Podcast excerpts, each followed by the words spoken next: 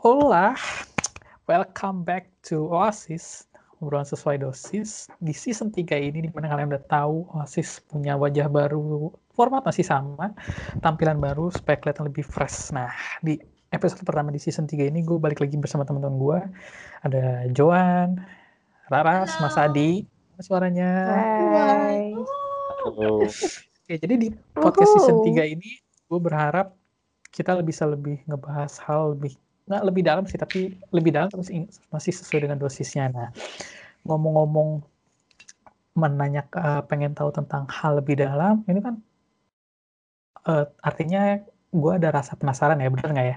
Kata-katanya bener ya penasaran ya? Nah mm -mm. gue nanya nih gue sebelum itu gue pengen nanya. Gue gue pengen share dikit lah ya gue pengen share dikit. Zaman sekarang itu mungkin tahun 2010-an ya, 2010-an. Kalian mendengar pertama kali kata kepo itu tahun kapan sih? Kata kepo. SMA. Eh, SMA ya bener SMA. SMA. SMA. SMA kita kita umur berapa tahun sih? Tahun tahun berapa? 2011 berapa tahun yang lalu? Udah 9 tahun yang lalu, gak apa-apa, gak apa-apa, gak apa-apa. 2012 tuh. Ini gue googling. 2011, 11, 11. Ya, 11, 12. Ya, Oh, sama. semua Ah, benar. 11. 10 tahun yang lalu? Udah 10 Ya. tahun yang lalu, tenang, tenang. Tidak. Oh my god. Oke. Oke, oke, oke. Oke, 10 tahun yang lalu. Jadi kalian mendengar pertama kali kata kepo ini 10 tahun yang lalu ya? Hmm. Nah. Kira-kira. 10 tahun yang lalu. Berarti sebelum tahun 2010 itu kata kepo itu belum ada ya? Em, i- iya.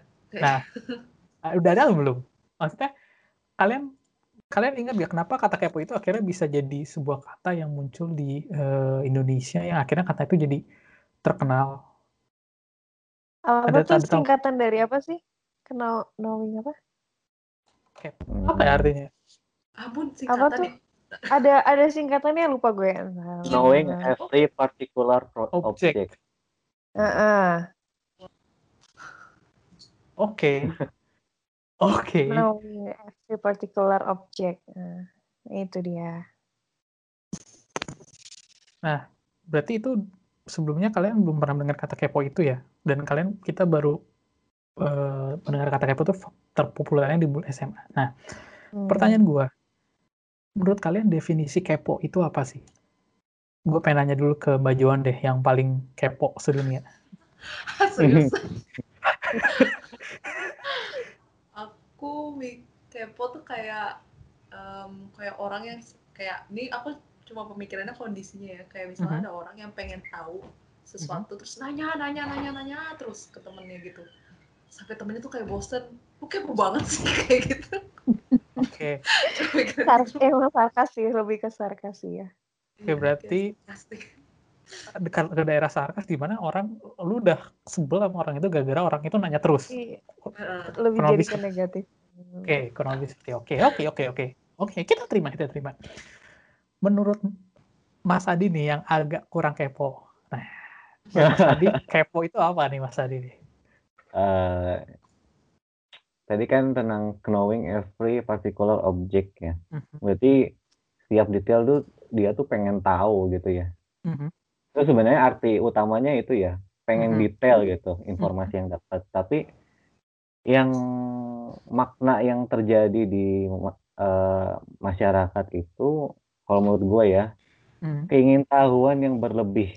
Oke. Jadi seharusnya yang enggak seharusnya ya mungkin nggak perlu tahu, Mhm, malah pengen tahu gitu, mhm. Hmm. gitu. Oke, oke. Berarti rasa keingintahuan yang berlebih, kepo. Oke, Iya. menurut Mas Adi seperti itu. Nah, sekarang kita ke terakhir ke Mbak Raras nih. Orang yang nggak ada kepo-keponya sama sekali. Nggak tahu aja. Gak tahu aja. Mbak Raras, kalau menurut Mbak Raras nih ya, kepo itu menurut definisi Mbak Raras itu apa sih? Kepo itu rasa ingin tahu yang tinggi. Tapi biasanya ya gue setuju sama teman-teman yang lain, Mhm. itu lebih mengarah ke hal yang apa ya, jadi kesannya jadi negatif. Jadi kayak Oke. lu pengen pengen tahu banget sih lo, terus Mhm. lebih jatuhnya lebih kayak kepo itu lebih sering mengarah ke gosip nggak sih? Kalau misalnya kita pengen tahu gosip tentang seseorang, nah Mhm. itu biasanya jatuhnya jadi kepo, keponya gitu, gitu. Kepo tuh masuknya jadi kayak Iya gosip-gosip gitulah gitu. Mhm, mhm. Oke, Ada jadi informasi yang ditangkap ya jadi. oke, jadi Eh, pengen gitu. tahu, rasa pengen tahu yang tinggi dan lebih ke arah untuk topiknya, topiknya mungkin untuk topik gosip ya. mm-mm. Membicarakan sesuatu, membicarakan seseorang dari belakang. Nah, itu kan gosip kan definisi gosip itu. Iya loh. Oh, iya nggak sih? Ya, kurang lebih gitu lah. Gue gue mengartikan gosip seperti itu. Oke. Nah, tapi ada satu fakta unik nih, gengs. Gue gue tadi tuh sebenarnya udah nge-search. Kalau kalian buka di Google Translate, kalian Mhm. tulis kata kepo, keluar de- keluar translate bahasa Inggrisnya adalah curious. So, Jadi, otomat secara otomatis berarti kata kepo ini udah diserap menjadi sebuah kata di bahasa Indonesia dong, bukan kata singkatan lagi. oh, oke. Oke. Udah masuk ke KBBI. gue itu gue Iya, gue nggak tahu gue nggak tahu ya gitu gue nggak tahu tapi kalau misalkan kalian ke Google Translate oke kalau ke Google Translate karena Google Translate kebanyakan setahu gue untuk eh, singkatan-singkatan itu dia nggak akan apa ya mungkin agak sulit untuk eh, nggak nggak sulit sih tapi kadang ada beberapa kayak singkatan yang nggak terkenal ya dia translate mungkin yang lain gitu tapi ini kata kepo ini langsung ke translate untuk jadi sebuah kata eh, curious gitu jadi berarti kita udah lihat bahwa kata kepo ini udah menjadi sebuah kata gitu loh kata yang lahir gitu kan Mm-mm. sekarang ada satu kata yang bener-bener gue bold dari tadi karena dari tiap-tiap kalian kalian menyebutkan kata ini yaitu rasa ingin tahu gitu loh. Nah Hmm. sekarang yang yang kenapa gue menanyakan ke- kenapa kepo gitu yang gue lihat se- setelah munculnya kata kepo ini dan eh, seiring berjalannya waktu gue melihat bahwa kata kepo ini dengan rasa penasaran itu garisnya tuh makin pudar gitu loh. garis pemisahnya makin pudar contoh nih ya contoh gue misalkan gue lagi nonton nonton TV ada siaran eh, apa eh, penerbangan roket gitu ya, gitu. Terus gue gue bilang wah gila gila. Keren amat. Gimana ya caranya bisa bisa roketnya terbang terus balik lagi gitu otomatis. Terus temen gue bilang ngapain lu? Pengen tahu sih kepo amat masalah gituan. Hmm. kata kepo itu dipakai untuk hal yang seperti itu gitu. Apakah kalian pernah Hmm. mengalami hal-hal seperti itu nggak? Jadi di mana? Sebenarnya rasa kalian tuh emang rasanya pengen tahu gitu loh. Tapi kata kepo ini akhirnya dipakai karena rasa keingintahuan kalian. Pernah nggak tuh terjadi dari mm, Mas Adi pernah nggak tuh kayak penyalahgunaan kata kepo yang menurut Mas Adi wah nggak cocok nih kata kepo kalau dipakai Nah, yang tadi gue bilang sih pergeseran makna yang dari awal.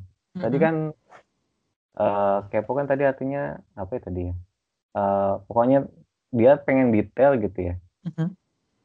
Eh, nah, makin ke sini tuh konota apa makna dari kepo itu sendiri kan bergeser gitu ya. Jadi apa pun yang kita pengen tahu malah disebut kepo gitu. Jadi kayak ada pergeseran makna gitu dalam di, di, di- di masyarakat tuh. Gue sih menilainya itu ya gitu. Jadi kayak apa ya? eh, gagal paham sih tentang arti dari kepo itu sendiri gitu. Oke. Kalau Tapi Mas kalau emang kalau emang pengalamannya eh, apa? eh, kalau kita pas nanya gitu ya, kenapa sih kepo banget sih? Ya gue juga pernah gitu. Ya itu yang terjadi terjadi pergeseran makna sih menurut gue. Oke. Kalau Gitu Mbak Bos. Raras gimana Mbak Raras? Pernah nggak mengalami atau di kondisi di mana yang pengen Mbak Raras tahu itu ya emang pengen tahu aja gitu Mas Kira emang hanya karena pengen tahu untuk menambah ilmu atau menambah pengetahuan tapi dibilang kepo gitu loh. Hmm, sejauh ini enggak sih. Mhm. Karena kalau gue cari penget apa cari tahu tentang pengetahuan itu biasanya nggak gue nggak gue umbar untuk kayak gue pengen ah coba cari gitu. Nah itu biasanya dalam hati gue doang gitu. Biasanya yang gue cari yang kayak gitu-gitu yang gue omongin selalu keceplos di mulut gue adalah kalau gue cari-cari tentang ya itu ya itu guys pergosipan gitu. Nah Mhm. itu makanya teman-teman gue selalu bilang kepo amat lu kayak gitu Mhm. Atau enggak apa tentang ya tentang yang hal-hal yang mungkin yang remeh-temeh kayak cari makan lah atau apalah kandungan kandungan misalnya kandungan dari mie instan itu apa aja nah yang kayak gitu-gitu. Nah yang remeh-temeh gitulah istilahnya. Tapi kalau yang tentang ilmu sesuatu nggak pernah gue omongin dari mulut gue sih. Jadi gue belum pernah mengalami kayak dibilang kepo lu gitu. Oke, tadi ada satu poin penting saat lu misalkan kayak nanya bahan-bahan makanan gitu ya. Itu kan so far lu hanya pengen tahu gitu bahan makanannya apa, tapi lu dibilang kepo. Menurut lu itu cocok atau enggak? Misalkan kayak lu makan, wah gila makannya enak banget nih. Apa aja bahan-bahannya? Ah kepo amat lu, ya udah makan aja. Menurut lu itu benar? eh, Bukan benar, sorry. Itu tepat atau tidak tepat? Ya nggak pengen bagi re- resepnya kayaknya. itu itu mungkin bukan kepo ya itu mungkin bukan kepo itu lebih ke menganalisa kali ya. Mhm. Hmm. Kalau Mbak Joan, menurut Mbak Joan? Orangnya kayaknya males jawab aja tuh makanya ngomong ah kayak Oke. kayaknya gitu. Oke, balas jawab. Kalau menurut Mbak Laura sendiri? Kalau gue sih, ya gue sih biasanya gue googling sih. Terus gue, ya gak, ya menurut gue, enggak sih karena kalau gue tuh kalau gue diomongin kayak kepo amat sih lu, ya emang gue kepo, gimana dong? Gue sering jawab kayak gitu. Jadi bagi gue suka kayak gitu, akhirnya gue jadi bercandain balik gitu. Oke, oke, oke. Tapi tapi maksudnya di sini ada poin yang unik ya di mana misalkan gitu sampai lu misalkan lu, lu- oke lah lu nggak ngomong terus lu, lu googling gitu terus temen lu lihat ras lu lagi nyari apa? Ya ini pengen lihat resepnya. Gila skepo itu loh. Iya, gue pernah kayak gitu. Nah, oke pernah gitu kan. Tapi maksudnya di sini ber- berarti kata kepo ini udah meng, udah meng- kalau misalnya ya, berarti udah menggantikan kata rasa ingin tahu yang berlebih kan Heeh, bener. Tapi kenapa? Nah, sebelum nanti itu itu lanjut ke pertanyaan selanjutnya. Sekarang, sekarang gue gue tanya dulu nih ke Mbak Joan nih.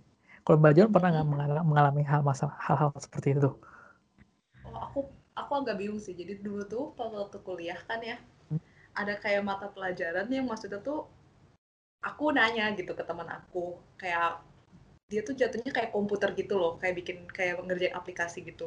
Mhm. Ya aku tanya karena aku nggak ngerti kan.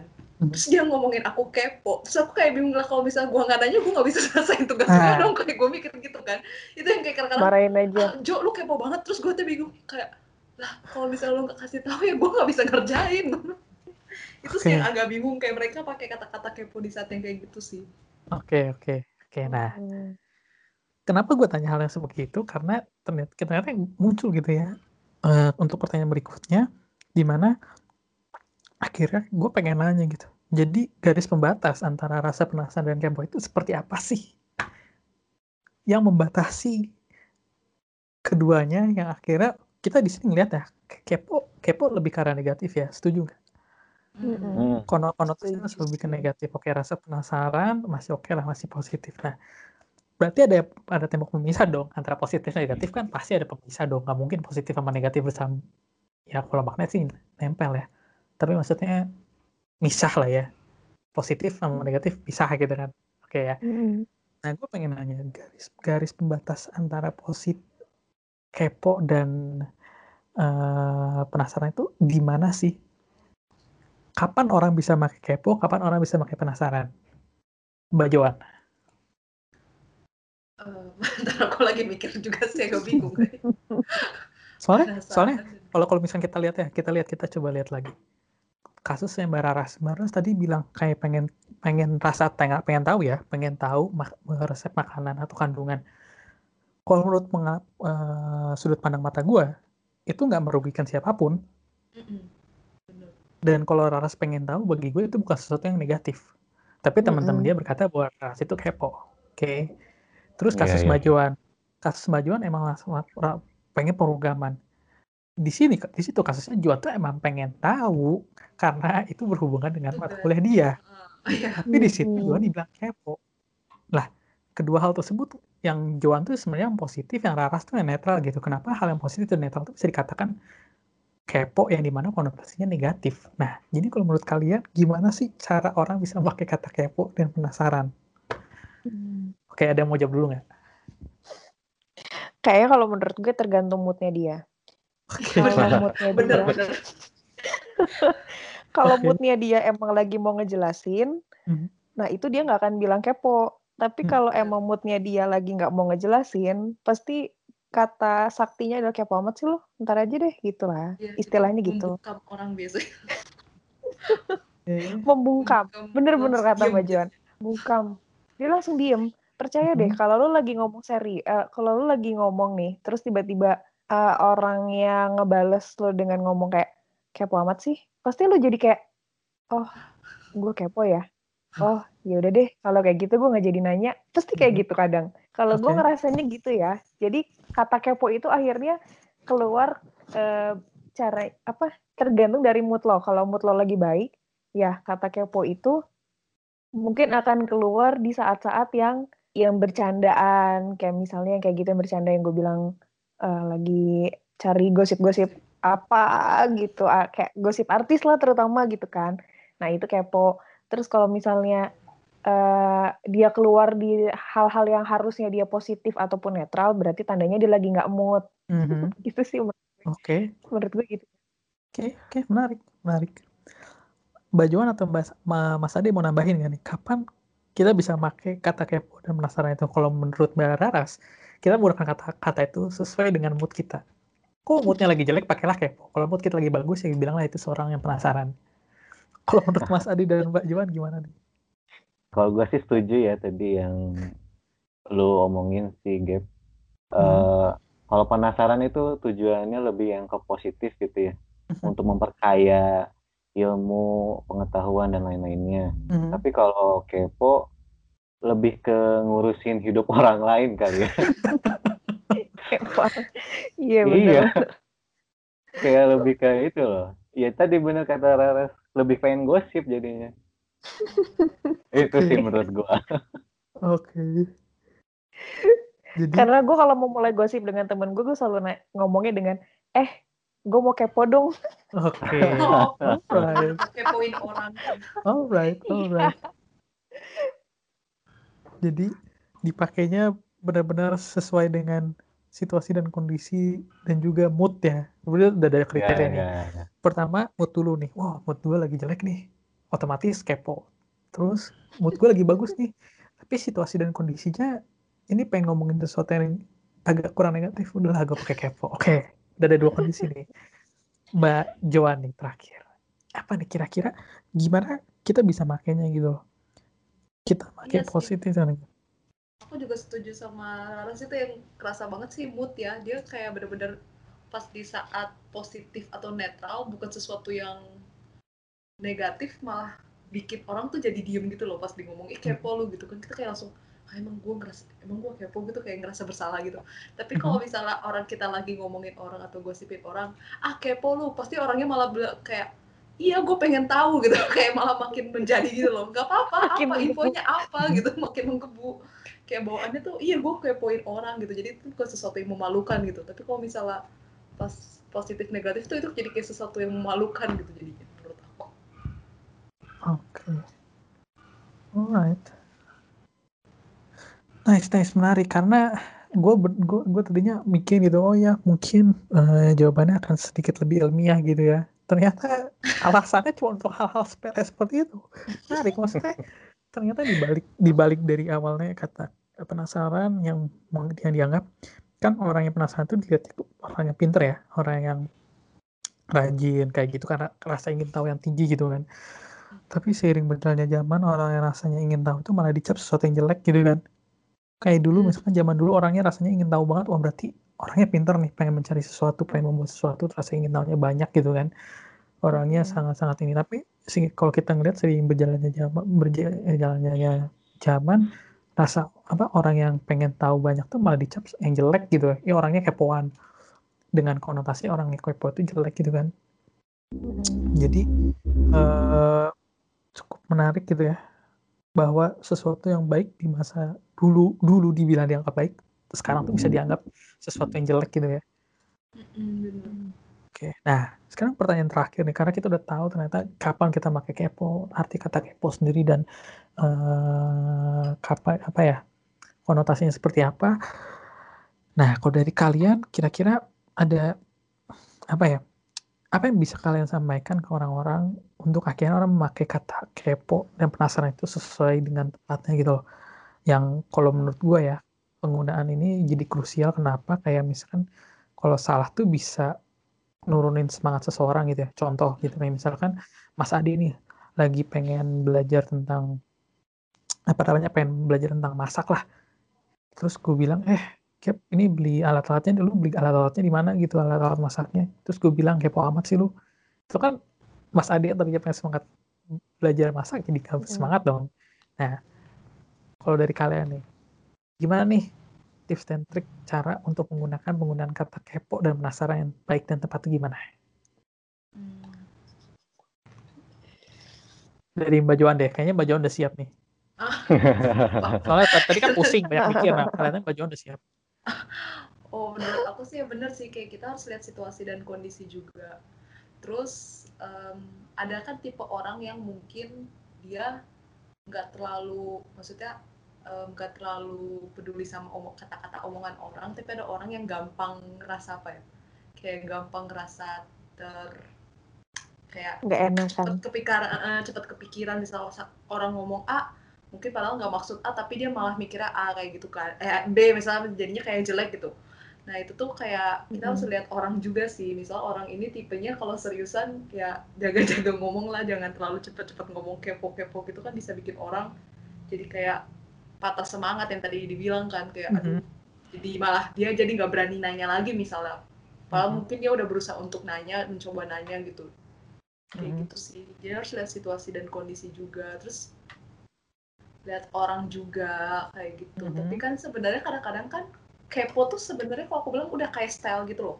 Misalnya ada sesuatu yang kayak tadi aku bilang loh yang aku padahal mau belajar tapi dia ngomong kepo itu kan menurut aku sangat tidak apa ya nggak nggak nggak di tempatnya banget gitu. Mhm. lu ngomong kepo tapi pal itu tuh buat belajar gitu. Bilang aja aduh nanti kayak ngomong gitu bentar Jur bentar misalnya kayak gitu. Ah. itu masih aku masih bisa nangkep gitu. Dia ngomong ah kepo lu Jur terus gue bilang ya bilang aja lu lagi sibuk ya atau apa?